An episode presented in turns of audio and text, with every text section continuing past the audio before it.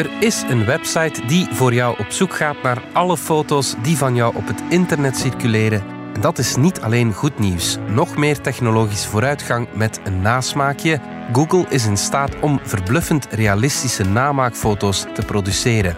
Ook van een panda die banjo speelt op een skateboard. Voor het wetenschappelijke nieuws kijken we naar pacemakers die vanzelf oplossen in je lichaam als ze hun job hebben gedaan. En er is nieuws over 50.000 jaar oude eieren van anderhalve kilo.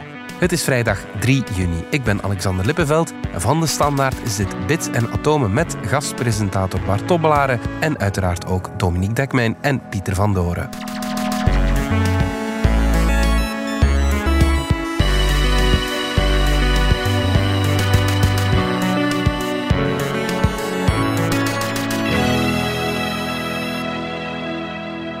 Dominique Dekmijn, onze technologiemeester, en Pieter van Doorn, onze alwetende wetenschapsredacteur, welkom. Ik begin even bij jou, Dominique, want jij bent op zoek gegaan naar alle foto's die van jou circuleren op het net. Ja, precies. Ik heb een website uitgeprobeerd die plots uh, erg het nieuws is. Alhoewel die site niet helemaal nieuw is. Heel veel mensen wisten blijkbaar, of een aantal mensen wisten al dat het bestond. En het heet Pim Eyes. En inderdaad, je, je laat daar een foto op. En in principe mag dat alleen een foto van jezelf zijn. Je mag, dat staat er, dat staat er heel streng bij, je mag niet een foto van iemand anders uploaden. Maar, maar, ze kunnen dat natuurlijk niet controleren. dus je uploadt een foto van jezelf en je vindt een ongelooflijke ongelooflijk aantal foto's van dezelfde persoon. Dus dit is een gebruik van gezichtsherkenning. Ja. Een technologie mhm. die heel veel mensen van ons uh, best wel griezelig vinden op zich al. ja. en is daar een, nog eens een, heel griezelige toepassing van. Maar waarom zou je dat doen? Omdat je super ijdel bent en jezelf vaak wil zien op internet? Of? Wel, als je natuurlijk je foto's uh, wil terugvinden, kan je je naam intikken en dan een image search doen op Google. En dan vind je alle foto's van jezelf ook wel. Dit, uh, het merkwaardige aan deze techniek is, enfin, het is vooral nuttig als je iemand opzoekt wiens naam je niet kent, maar dat mhm. mag je dus niet nee. met PMI's. Wordt niet gecontroleerd, maar je mag dus niet. Ik mag dus niet bijvoorbeeld jouw foto, Bart, uploaden en dan te weten komen uh, in welke sportclub dat jij speelt. Ja, of als jij vergeten bent hoe ik alweer heet, dan kan je mijn foto uploaden. En dan, ja, ik kan ah. natuurlijk, ja. Dus bijvoorbeeld, als ik een willekeurige selfie maak, een fotootje van mezelf, dat hoeft geen goed fotootje te zijn, en ik upload dat naar Pim Eyes, krijg ik ineens een hele reeks foto's. En die waren, uh, ik geloof op twee of drie, er, waren, er kwamen 93 foto's boven. Het was vaak wel dezelfde foto, varianten van dezelfde foto. En vaak kwamen ze van hier op de site. Maar dat wil dus zeggen, als iemand een foto van mij op straat neemt, eender waar in de wereld, en hij uploadt die op Pim Eyes om te zeggen van wie is die man, en weet hij direct dat ik bij de standaard werk. Want mhm. onmiddellijk kwam uh, de foto die bij mijn column staat uh, naar boven. dus eender welke foto van mij leidt op Pim Eyes onmiddellijk naar mijn identiteit. Dus iedereen in de wereld kan mij ogenblikkelijk identificeren. Waren er foto's bij die je niet meer herinnerde? Eentje vooral, en dat was dan het merkwaardige. Want uh, ja, waar is dat dan goed voor, foto's van jezelf vinden? Wel, in dit geval omdat ik via mijn gezicht uitkwam op een foto die duidelijk van mij was. Uh, en die ik me nog vaak herinnerde van dat moet ergens 15 jaar geleden zijn genomen. Maar die bleek uh, op een heleboel plekken te staan dat ik dacht van ja, hoe wat is mhm. daarmee aan de hand? En dan bleek dat die oude foto van mij, waarin ik een, een, oortje op heb. Ik ben dan denk ik iemand aan het interviewen eigenlijk. Maar die, foto wordt op een aantal plaatsen op het internet gebruikt om promotie te maken voor, uh, voor helpdesk-diensten. Omdat ik eruit zie alsof ik een helpdesk-medewerker ben, een beetje. En zo kwam ik ook uit op een LinkedIn-profiel van iemand die zogezegd in Nieuw-Zeeland woont en zich Dave Caulfield noemt. En dat is dan mijn foto. dus mijn foto wordt gebruikt als profielfoto van en een heb je die man gecontacteerd? Van... Uh, zover ben ik me nu nog niet, niet gegaan. Het is ook niet super interessant om te weten dat iemand... Die... maar, maar er was geen andere manier om dat te weten te komen dat iemand mijn foto daar gebruikt. Een foto van mezelf die ik eigenlijk niet kende. De enige manier dat ik daarachter had kunnen komen was via een dienst als Pim Eyes. Dus ja, als je bang bent dat je foto's ergens staan zonder dat je naam erbij staat, bijvoorbeeld omdat ze misbruikt worden voor valse profielen, ja, dan is PimMice ergens wel nuttig. Maar wat de kritiek op deze tool natuurlijk om is, omdat het ja, eerst en vooral, ja, gewoon, ik, ik kan eender wie op straat een foto van die persoon maken en er dan toch Strikt genomen gaat het niet je vertellen, dat is de naam van de persoon. Hè? Dus dat, dat zeggen ze, nee, nee, nee, dat doen we niet. Maar als je al die foto's aanklikt, weet je vaak wel bij welke sportclub die persoon zit, naar welke school die geweest is. Hè? Want oude foto's worden al Ja, ja, opvallend goed ja. herkend. Je weet zoveel over een persoon als je die, die, al die foto's terugvindt, eh, voor zover het correcte foto's zijn, dat je eigenlijk iemand kunt identificeren. En daarvoor was eh, die site PimEyes al een tijdje zo een geheim tool. Hè? Een geheim tool om mensen te En identificeren. als er nu foto's op het internet circuleren die ik toch eigenlijk liever niet op het internet zie circuleren, kan Pim Ice me dan ook helpen om die... Wel, en dan zitten we midden in eh, het probleem. Hè? Dus aan de ene kant eh, is het duidelijk zo dat het een stalking website is die ik kan gebruiken om iemand die ik ergens zie te identificeren. Om wat voor doeleinden ook. Dat zou bijvoorbeeld om journalistieke doeleinden kunnen zijn of eh, om die persoon te kunnen stalken. en achter die persoon haar persoonlijk adres, telefoonnummer te Of geraken. Dat kan. smeerlapperij boven te halen. Voilà, en maar nu komen we op- op het andere mogelijke doel, is foto's van jezelf die je liever niet meer ziet. Wel ja, als daar je naam op staat, dan vind je die foto's natuurlijk via een Google search. Maar als er je naam er niet op staat, zijn die foto's nu ook opzoekbaar. Is dat ergens een voordeel? Ja. Hè, dus dat bedrijf, want dat is een heel belangrijk punt. Ik kan mijn gezicht daar uploaden en dan kan hij zeggen van ja, ik vind die overal op het internet terug en ik zie wel kleine beeldjes van die foto's. Maar wat hij je niet vertelt is, waar zijn die? je kan ze niet terugvinden. Om de link te kunnen volgen naar de website waar hè, de, eh, die foto gebruikt, misbruikt wordt, moet je betalen. En die, ja. die bedragen zijn vrij hoog. Je moet ineens een abonnement nemen van eh, 30 euro in de maand. Dat is het minimumbedrag. En eh, ja, ze hebben dan een speciaal abonnement, speciaal eigenlijk voor slachtoffers van wraakporno. Dat is dus mensen hè, wiens, wiens naakbeelden vaak door een ex-partner online zijn gezet. Al of niet met de naam, naam erbij. Dus zij bieden dan een dienst aan en dan vragen ze zo'n 90 euro per maand. En het idee is waarom per maand? Wel, ja, je gaat nu zoeken en ik haal die beelden weg. Ah, maar ze kunnen overal terug opduiken volgende maand. Dus dan moet je opnieuw zoeken. Dus zij zorgen er dan voor dat die beelden verdwijnen. Nee, nee, dat, Nee. zelfs niet. het enige dat ze je vertellen is waar ze staan. En dan nog zeggen ze dan En dat erbij... de 94 euro verdwijnt. Ja, en dan wordt het echt verraderlijk. En dan zeggen ze ook van ja, maar het kan wel zijn dat als je zoekt dat je niet alle resultaten vindt, want we hebben ook een speciale deep search functie. Die kost meer dan 300 euro per maand. En dus als jij de 90 euro versie per maand pakt, kan je beelden van jezelf terugvinden en dan vragen, die specifieke beelden haal die uit de index van PimEyes. En die site ga je dat ook helpen om een soort formulier, ze hebben een standaard formulier dat je dan naar andere websites kunt sturen om te vragen van haal het origineel van de foto ook weg. Dus dat, dat doen ze wel, maar tegelijkertijd zeggen ze van als je alles wil vinden moet je die duurdere 300 eh, euro per maand versie pakken. Waarbij ze eigenlijk zeggen van als jij nu 90 euro per maand betaalt, dan kun je zelf je foto's weghalen van een flink stuk van het internet. Maar als iemand anders dan de 300 euro versie pakt, kan hij ze waarschijnlijk toch weer terugvinden. Ja, dus het is echt een bewapeningswetloop. En zegt een vrouw die, die vroeger bij Apple werkte en die te maken had met een heel nare video die van haar eh, jaren geleden was gemaakt en die nu opduikt. Ja, zij zegt ik ben nu eigenlijk gedwongen om 300 dollar per maand te betalen aan PimEyes. Eigenlijk alleen maar om te beletten dat andere mensen PimEyes gebruiken Om die video te terug te vinden. En die vrouw noemt dat simpelweg afpersing. En daar is wel Ja. iets voor te zeggen. Oké.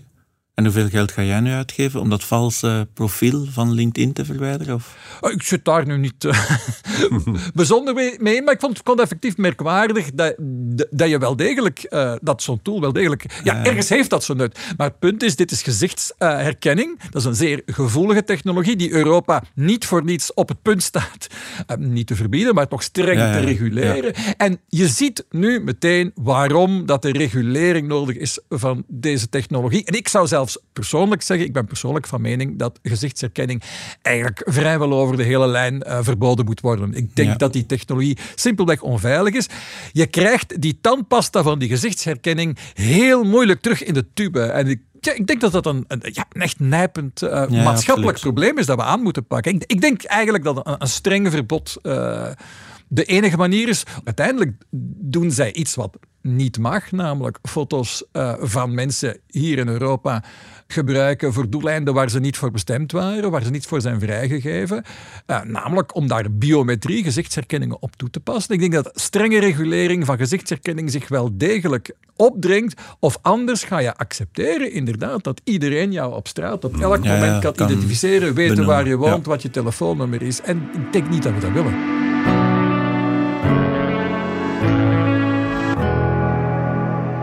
Foto's laten verdwijnen van het internet is dus duidelijk niet zo gemakkelijk. Maar, en hier komt het bruggetje, jij kan wel pacemakers laten verdwijnen. Ja, of all things. Of te zeggen, ik kan het niet, maar er zijn uh, een aantal mensen die uh, in de science vertellen dat zij het kunnen. Het is een artikel met wel 43 auteurs uit 12 verschillende instituten, dus ze hebben er wel uh, werk van gemaakt. Het is nog niet echt zo ver. Het is op dit moment een, wat ze noemen een proof of concept. Maar het zit er dus wel aan te komen. Vertel, wat is zo nuttig aan een pacemaker die vanzelf verdwijnt? Normaal, als je een pacemaker implanten, dan uh, draag je die voor de rest van je leven. Maar er zijn blijkbaar gevallen waar het nuttig is om tijdelijk het hart een beetje te kunnen steunen. Na sommige hartoperaties in de week nadien moet je normaal uh, van heel nauw gevolgd worden, omdat het kan gebeuren dat je hart in uh, bradicardie slaat, dus heel traag begint te kloppen. En dat is niet gezond en op dat moment moeten ze ingrijpen na die eerste week uh, zakt dat risico serieus. Dus het zou handig zijn om gedurende één week zo'n pacemaker te kunnen implanten. Soms gebeurt dat ook. Op dit moment moet je nog met draadjes naar buiten komen. Kans op infectie, het moet er nadien operatief terug uitgehaald worden en zo verder. Er zijn toestelletjes die draadloos zijn. Maar de ontvanger is dan uh, vaak een grote kast die in het hospitaal aan de muur moet hangen. Dus dan kun je nog het ziekenhuis niet uit. Het zou leuk zijn om iets te vinden dat een week zijn werk doet en nadien vanzelf verdwijnt. Deze kerels beweren dat ze het hebben. Is een pacemaker die volledig bestaat uit stoffen die door het lichaam zelf opgelost worden. Je hebt dat ook bij chirurgische hechtdraad. Eh, binnenin wordt dat uh, gebruikt en na een paar weken verdwijnt dat vanzelf. Deze pacemaker is gemaakt van uh, alles wat metaal is en stroomgeleid is molybdeen. En molybdeen is een metaal dat langzaam door het lichaam opgevreten wordt. Ja. De rest zijn chips. Silicium wordt ook langzaam door het lichaam opgegeten. En dan gebruiken ze nog een paar uh, plastics. Polyurethaan wordt uh, langzaam opgevreten. En dan hebben ze nog een copolymeer van polymelkzuur en polyglycolzuur. En dat is ook iets dat langzaam afbreekt alles bij elkaar. Het duurt ongeveer een maand eer die weg is. En als je maar een week nodig hebt. Uh... Ja, want hij mag ook niet te snel oplossen. maar dus zeker een maand uh, blijft hij actief voor hij echt uh, zo ver afgebroken is dat hij niet meer werkt. Maar er zit dus echt ook een batterij in dan? Dat moet dan er zit geen batterij in. Het werkt een beetje zoals die oplaadbare tandenborstels met uh, twee spoelen. één die in de tandenborstel zit en één die in het voetje zit dat op je badkamertafel staat. En je zet de tandenborstel al op en het wordt draadloos opgeladen. Uh, wat ik dacht, een batterij die zichzelf oplost in je lichaam? Dat nee, zover zijn we nog niet. Maar dat ding bestaat dus uit een pacemaker, compleet oplosbaar. Een uh, plastic ding dat langzaam steroïden en ontstekingsremmers afgeeft. Wat nodig en nuttig is na zo'n operatie. Heeft dan net onder de huid een draadlus die stroomsignalen opvangt. Bovenop de huid zit dan weer de tegellus, uh, dus de zendantenne zeg maar, die stroom uh, doorstuurt. Op de huid zit ook een uh, plakker die je hartslag meet, die je ademhalingsritme meet. Die meet of je actief bent. Het is geen stappenteller, maar hij merkt wel of dat je stil ligt te slapen of veel beweegt. Die ook de verzadiging van je bloed met zuurstof meet ziet hij gewoon aan de kleur van je bloed. Meestal bij de dokter is dat zo'n ding dat over de top van je vinger geschoven wordt. Dus dat zit er ook allemaal bij. En er zit ook nog een triller op je huid. Die informatie kan geven van uh, bijvoorbeeld alles werkt.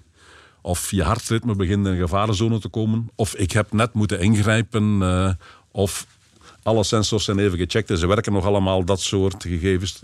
En dan is er nog een handmonitor met uh, Bluetooth waar je op het scherm alle signalen die naar buiten komen kunt aflezen. Allemaal samen toch uh, een en ander. Veel technologie, ja. Het is uh, bestand tegen uh, scanners, dus je kunt ermee in de MRI-scanner gaan. Je kunt dat van op afstand opvolgen, hopen ze. Ze hopen eigenlijk dat ze het kunnen implanten in patiënten die ze dan naar huis kunnen sturen. Ja, ja, ja. Maar heel duidelijk, we zijn nog lang niet zo ver. We zijn nog lang niet zo ver, dat moeten we wel bij zeggen. Uh, Zo'n ding hangt af van hoe goed het elektrocardiogram is en hoe goed de software is die het elektrocardiogram uitleest en zegt, hou, hier moeten we ingrijpen. Dat moet heel, heel, heel zuiver werken en dat weten we op dit moment nog niet. Het is getest bij ratten, daar werkt het goed. Het is getest bij honden, daar werkt het ook goed. Het is getest op losse mensenharten, dus uh, harten uit lijken of van transplantaties. En daar werkt het ook op. Maar het moet, het moet nog blijken wat gebeurt er met een uitgerekt hart. Wat gebeurt er met een hartspier die verdikt is? Welke signalen geeft dat af aan deze plakkers op de huid van dit specifieke toestel? Littekens op het hart. Uh, wat gebeurt er als je inderdaad dat ding aansluit op het hart? Hoe veranderen de, de hartsignalen die de monitors op de huid meten. Dan moet allemaal heel goed gecheckt worden dat je heel zeker bent dat het ding doet wat het moet doen. En op het moment dat het moet doen. En alleen op het moment dat het dat moet doen. En dat is gemiddeld gezien als de hartslag beneden de 54 slagen per minuut begint te vallen. Dan kun je maar beter ingrijpen of het, uh, het wordt niet meer leuk. Wanneer het in patiënten zal uh, toegepast worden, weten we Nog niet. even geduld. Maar Ja. de mogelijkheid is er. Dankjewel, Pieter.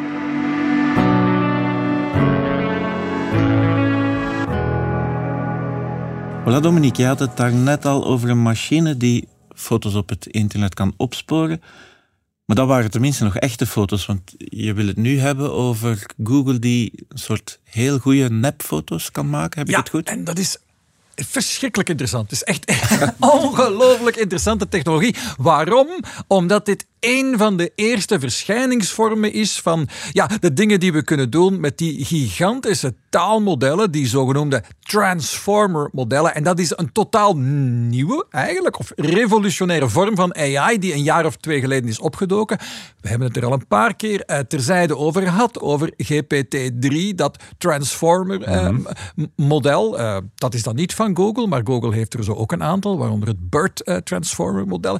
En dat zijn gewoon AI-systemen die gigantisch veel tekst hebben gelezen, maar echt onvoorstelbare hoeveelheden en die daar gigantisch veel uit onthouden, want zij bevatten miljarden parameters, zo heet dat. Dat is een beetje een maat van hoe, hoe, slim die dingen zijn. Dus honderden, miljarden parameters zelf.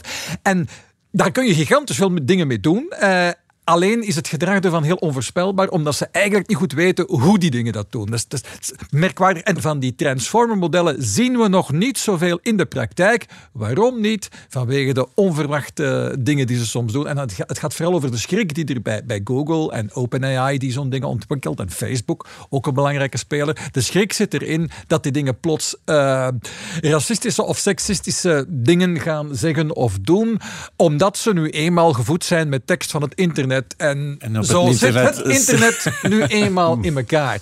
Die hebben zo'n eh, miljoenen en miljoenen en miljoenen pagina's tekst van overal op het internet gelezen dat je het niet meer kunt controleren. Maar wat kun je met die modellen doen? Wel, bijvoorbeeld zeggen van ik wil nu graag een foto zien van een... eh, een wasbeertje op een skateboard met een cowboyhoed op op de top van een berg.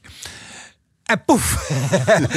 maar het mag dus ook maar zeg dan, ja, maar ik wil een... eh, Wacht eens, maar poef, wat poef. Dan zie je die foto. Dan krijg je een foto en het straf is, want we hebben het nu over het Imagen-model van Google. Hè, OpenAI, dat andere bedrijf, eh, op, opgericht door Elon Musk trouwens, dat andere bedrijf dat met dat soort eh, transformer-modellen bezig Maar die is. zet dus tekst om in Ja. beeld, of hoe moet ik dat teksten verstaan? omzetten in beeld. Precies, daar gaat het om. Hè? Dus eh, er, er was al zo'n model, dat heette En dat is dan van OpenAI. En dat kon dat al vrij indrukwekkend doen. Eh, wat Google er bovenop doet, is nu zeggen van kijk, wij kunnen dat gewoon nog beter.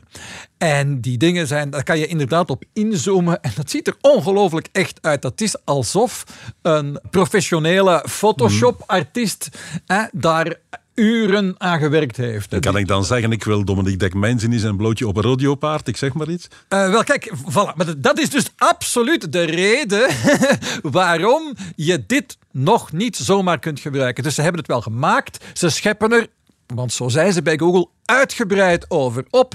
Maar ze zeggen van, je mag het toch niet zomaar gebruiken, want het is misschien te gevaarlijk. En Pieter heeft daar... Voilà, de, Maar de- zou dat kunnen Of kan het alleen als er een foto van jou bestaat waar je naakt bent? Nee, dat wasbeertje met de cowboyhoed op die surfplank of die uh, pandabeer met een gitaar uh, in een bos, hè, Mhm. die zijn er ook niet. Uh, maar dat zijn de Nee, voorbeelden. maar je zou nog kunnen denken, ze hebben een foto van een panda, ze hebben een foto van een gitaar en ze hebben een foto van een bos en ze plakken het heel mooi Ja, aan elkaar. Het gezicht van Dominique hebben en een niet blote man helemaal zijn ze er ook nee. niet. Ja, dus, dat is eh, waar. nee, ik zal even vertellen hoe het werkt. En dat is, dat is op zich dus super boeiend. Dus je begint met zo'n taalmodel. Dat is helemaal gek. Hè? Dat, is, dat is een systeem dat dus gevoed is op gigantisch veel tekst. Maar wat doet die eigenlijk? Die gaat jouw vraag analyseren. En dan hebben ze een klein, enfin, of een beperkter AI-systeem dat zegt van, nou ja, wat hebben we nodig? Eh, een skateboard en een poes. Eh, we vinden wel we vinden een generiek beeld van een kat en, en, en een skateboard. En dan gaat men in een, in een aantal stappen die beelden verfijnen door iets wat ze een diffusiemodel noemen. En die gaat eigenlijk zien van, ja, maar als ik nu inzoom, hè, dus we beginnen van een, een, een piepklein postzegeltje van 64 pixels breed. En dat gaan ze dan stap voor stap, gaan ze eigenlijk inzoomen op dat beeld en er details bij verzinnen op basis van andere beelden op het internet. Dus bijvoorbeeld als op dat oorspronkelijke beeld dat wasbeertje een pels heeft, maar je kunt niet precies zien wat het is. Bij elke keer dat je verder inzoomt, hè, en, en dat, dat zijn een aantal automatische stappen die er lopen worden, worden daar realistische details, zoals de pels, de glinstering in de ogen, worden toegevoegd door bijkomende AI-modellen eigenlijk. En het resultaat is, en dat is eigenlijk het verbluffende, het resultaat is gewoon gigantisch goed. Eh, zozeer dat er sommige mensen deze week aan het zeggen zijn van ja, maar wacht, is dit geen probleem voor, voor professionele Photoshop-gebruikers? Want ja, als ik nu een illustratie wil hebben, inderdaad, van eh, wel ja, de voorbeelden die, die Google laat zien, zijn uiteraard zo onschuldig mogelijk gekozen. Maar als ik inderdaad voor een of ander artikel eh, effectief een Perzische kat wil zien op een fiets, eh, dan wordt dat ogenblikkelijk aangemaakt. Het ziet er perfect uit, alsof iemand daar dagen, of toch minstens een dagje aan gewerkt heeft in Photoshop. Dus dat is wel heel sterk. Maar sorry dat ik het nog eens vraag, en ik wil niet beledigend overkomen, maar de foto van jou naakt op een rodeopaard, Ten eerste kan ik je verzekeren dat die niet bestaat. dus als je hem ergens vindt, is die aangemaakt eh, met artificiële intelligentie, bijvoorbeeld Imagen van Google. Eh, omdat het systeem weet, naakte mannen zien er zo uit, en dus... ja, dus het levert onvoorstelbaar realistische beelden op die niet bestaan. Eh, dat deed dat systeem van eh, OpenAI ook al, eh DAL-E, maar Imagen van Google doet het nog veel beter. En dat bewijst gewoon maar dat we de grenzen van die transformer-modellen nog lang niet Want hebben ik gezien. zou nu kunnen een verhaal maken dat mijn stad Dist beschoten is door de Russen en ik laat de kerk van Dist zien in, in puin. En het enige verschil met vroeger is natuurlijk dat je daar eh, vroeger heel veel tijd in Photoshop voor had eh, moeten doorbrengen dat nu vanzelf gaat. Hetzelfde heb je ook, ook uiteindelijk, want het gaat om gelijkaardige eh, technologie. Met, met die deepfake video's, waar je dan iemand anders zijn gezicht op een video kunt plakken. Maar dit gaat echt over een beeld dat helemaal niet bestaat en dat je laat samenstellen uit dingen die van op het internet gevonden worden en die dan door eigenlijk door andere AI-systemen verder verfijnd worden en van details voorzien. Dus het beeld dat je ziet bestaat nergens op het internet. Ook de onderdelen Ja, ervan bestaan eigenlijk nergens op het internet. En toch zien ze er ongelooflijk realistisch uit. Ik eh, moedig iedereen aan om dat zeker eens te gaan kijken. Ik zou zeggen, eh, om de Imagen eh, demo-site te vinden, gewoon googlen op Imagen. Ja. maar dus wat je zelf kunt doen nu is een klein beetje schakelen en zeggen van ja, ik wil op een skateboard, op een fiets, met een gitaar, Ja. Die, die, die opties. Dat kan je nog. Maar verder laten ze die technologie. Rodeo-paard zit er nog niet tussen. Voilà, nog geen rodeopaard.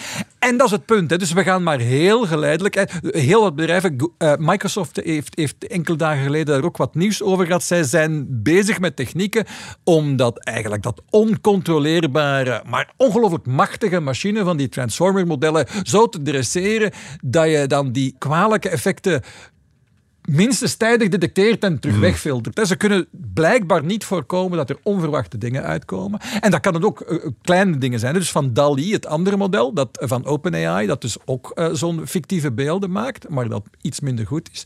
Dat mag je ook niet zomaar proberen. En dat was onder meer, dat hebben ze dan wel toegegeven, omdat bijvoorbeeld bleek, als je zegt van eh, ge- geef, mij, geef mij een dokter, dan was dat eh, statistisch te vaak een witte man. Maar ja, dus die, die technologiebedrijven weten dat ze er opgepakt gaan worden. Men is daar momenteel heel gevoelig voor, ehm, eh, voor bias, hè, vooroordelen, racisme, seksisme in AI-systemen. Die bedrijven doen heel grote moeite nu om dat probleem op te lossen, maar ze kunnen het nog niet oplossen, niet volledig. En daarom wordt dit soort technologie eigenlijk maar heel beperkt uh, Ja. vrijgelaten. En dat is aan de ene kant misschien maar goed ook, want we beheersen het nog niet. Maar aan de andere kant eh, wijst het erop dat die, dat die, dat die transformer-technologie echt ongelooflijk machtig is. Een systeem dat uiteindelijk teksten heeft gelezen en dat je dan gebruikt om namaakfoto's Foto's, te maken. ja. Het, het- het In- klinkt absurd. En toch zijn we dat het zien. En eh, we hadden eh, enkele dagen geleden een interview met eh, Sundar Pichai in onze krant, de, de, de CEO van Google. En die was aan het zeggen, ja, we hebben gewoon de limieten van die transformer-modellen nog niet gezien. Heel interessant, zoals je zei, maar ook toch een beetje beangstigend door wat je hier komt Ja. te vertellen.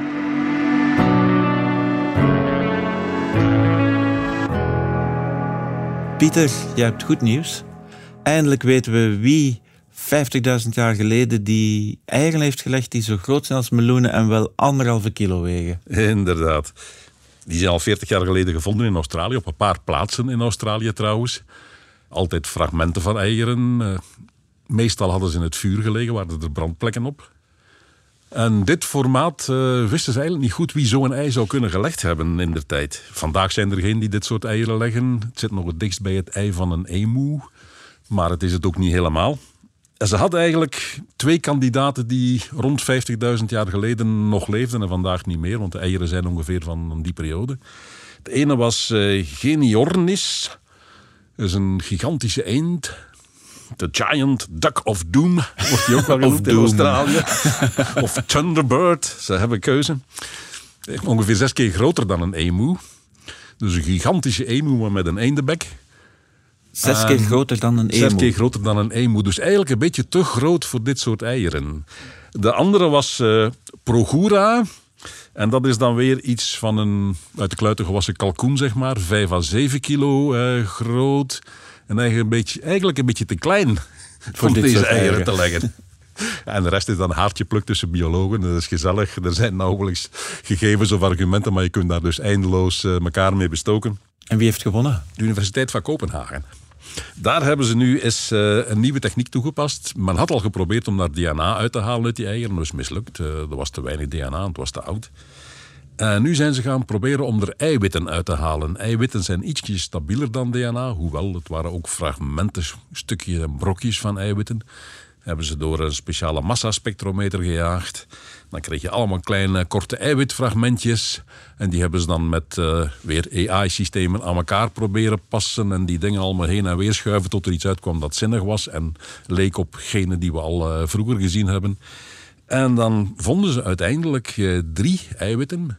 Die alle drie iets te maken hebben met eh, calciummetabolisme. Wat natuurlijk aan een eierschaal niet zo gek is. Ze hebben dan in 350 verschillende vogels, zowel hedendaagse als fossiele voor zover ze die hadden, zijn ze naar dezelfde eiwitten op zoek gegaan, of naar de genen voor die eiwitten. En hebben ze die dan vergeleken met wat ze aan materiaal uit dat ei gehaald hadden, of uit die eierbrokjes. En dan bleek al snel dat die van de, de kalkoenachtigen, dus die van Progura, geen gelijk konden hebben. Het was zeker geen grootpoothoender waar Progura toe behoort. Dat zijn van die eh, ja, kalkoenachtige dingen die eieren leggen, waar ze dan een hele hoop bladeren over leggen, die, die rotten en die dan warmte geven om dat ei uit te broeden. Thermometervogel is er zo eentje die dat vandaag Oké. nog doet. En als het te warm wordt, dan halen ze wat bladeren weg. En als het te koud wordt, dan stapelen ze er wat extra bladeren Maar bovenop. ze hoeven niet constant op het nest te blijven Maar ze hoeven zelf niet constant er bovenop te zitten. Ze laten die rottende bladeren in de warmte leven. Maar dat was het dus niet. En dan schoot er alleen nog die eh, reusachtige eend over. En inderdaad, de eiwitten zijn compatibel met wat men de Gallo-Anceres noemt. Dat is de groep die de eenden en de hoenders overkoepelt. En gezien het... eh, er een ding bestaat met een eendebek en groot is, kan het bijna niet anders. was het eend. moet van die vogel zijn. Is niet helemaal zeker. Men heeft nooit resten van de vogel samen met het ei gevonden. dus eh, paleontologen zouden graag dat ook nog vinden om helemaal zeker te zijn. Maar die super eend, dat weten we, die bestond. Die Zes keer zo supereend groot als... die supereend bestond. Ze is uitgestorven kort nadat de mens in Australië terechtgekomen is. Dat is 55.000 jaar geleden. 45.000 jaar geleden waren ze uitgestorven. Dus misschien Dus- opgepuizeld. Dus misschien opgepuizeld, maar men heeft nooit botten van die vogel gevonden waar uh, slachtsporen op waren of wat, uh, of naast stenen werktuigen. Maar de eieren die men gevonden heeft, waren wel gekookt. dus men neemt nu aan dat de eerste mensen die in Australië toekwamen inderdaad die gigantische vogels niet aandurfden, maar wel uh, leep genoeg waren om hun eieren te stelen en die te koken. Maar hij smaakte gewoon misschien niet lekker, die vogel. Hij smaakte misschien niet lekker. Kan, waren, kan dus ook. Uh, goed, eendenborst is best lekker, vind ik, maar gigantische eendenborst, dat weet ik alweer niet. Nee. maar in elk geval, er is dus een kans dat de mens ook voor het uitsterven van deze reuzenvogel verantwoordelijk is.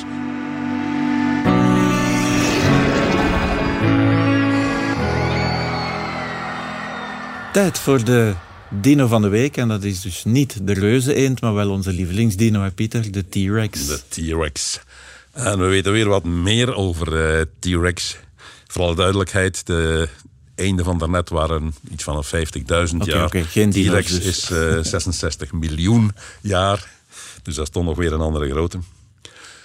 Er is al een tijdje ruzie onder biologen over of uh, T-Rex en de dinosaurus in het algemeen nu warmbloedig waren of koudbloedig.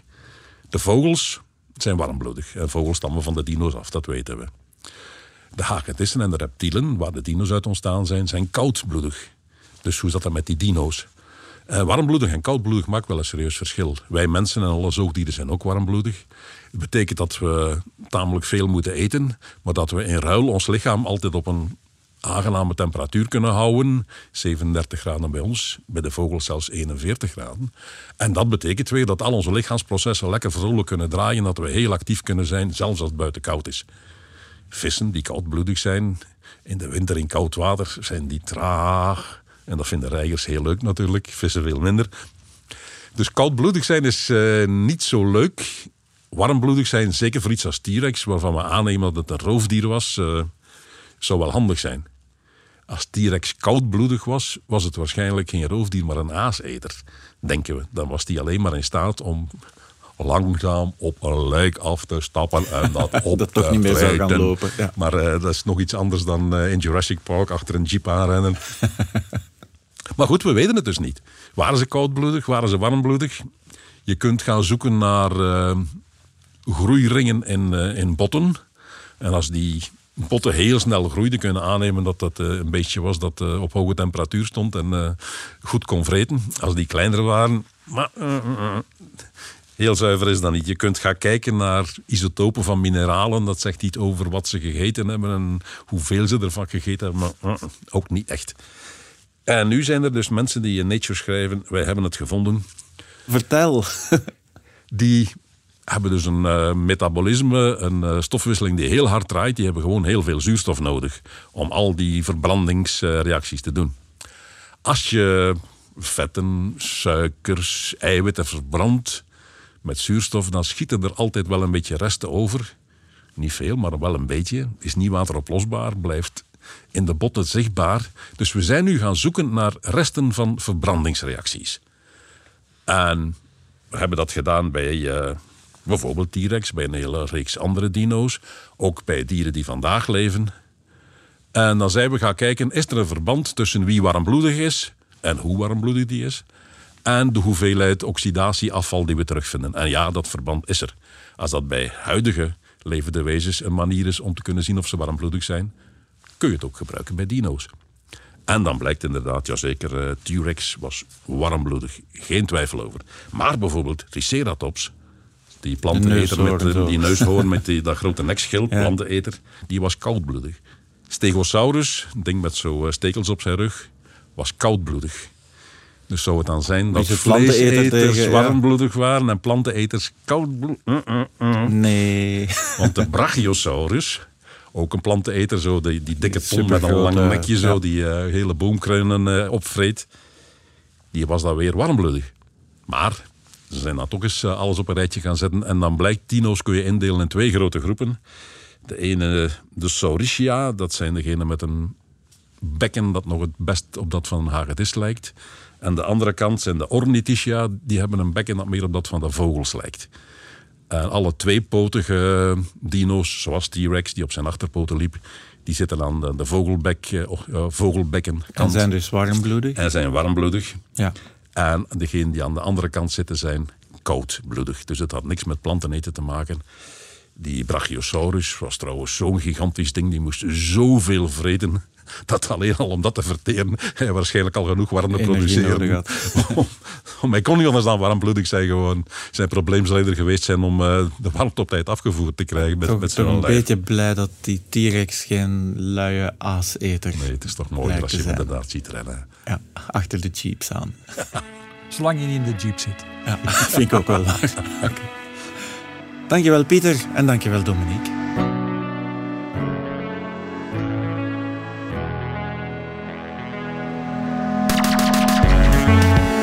Dit was Bits en Atomen. Bedankt voor het luisteren. Download onze RDS-podcast of volg ons op Spotify, Apple Podcast of eender welk ander podcastplatform.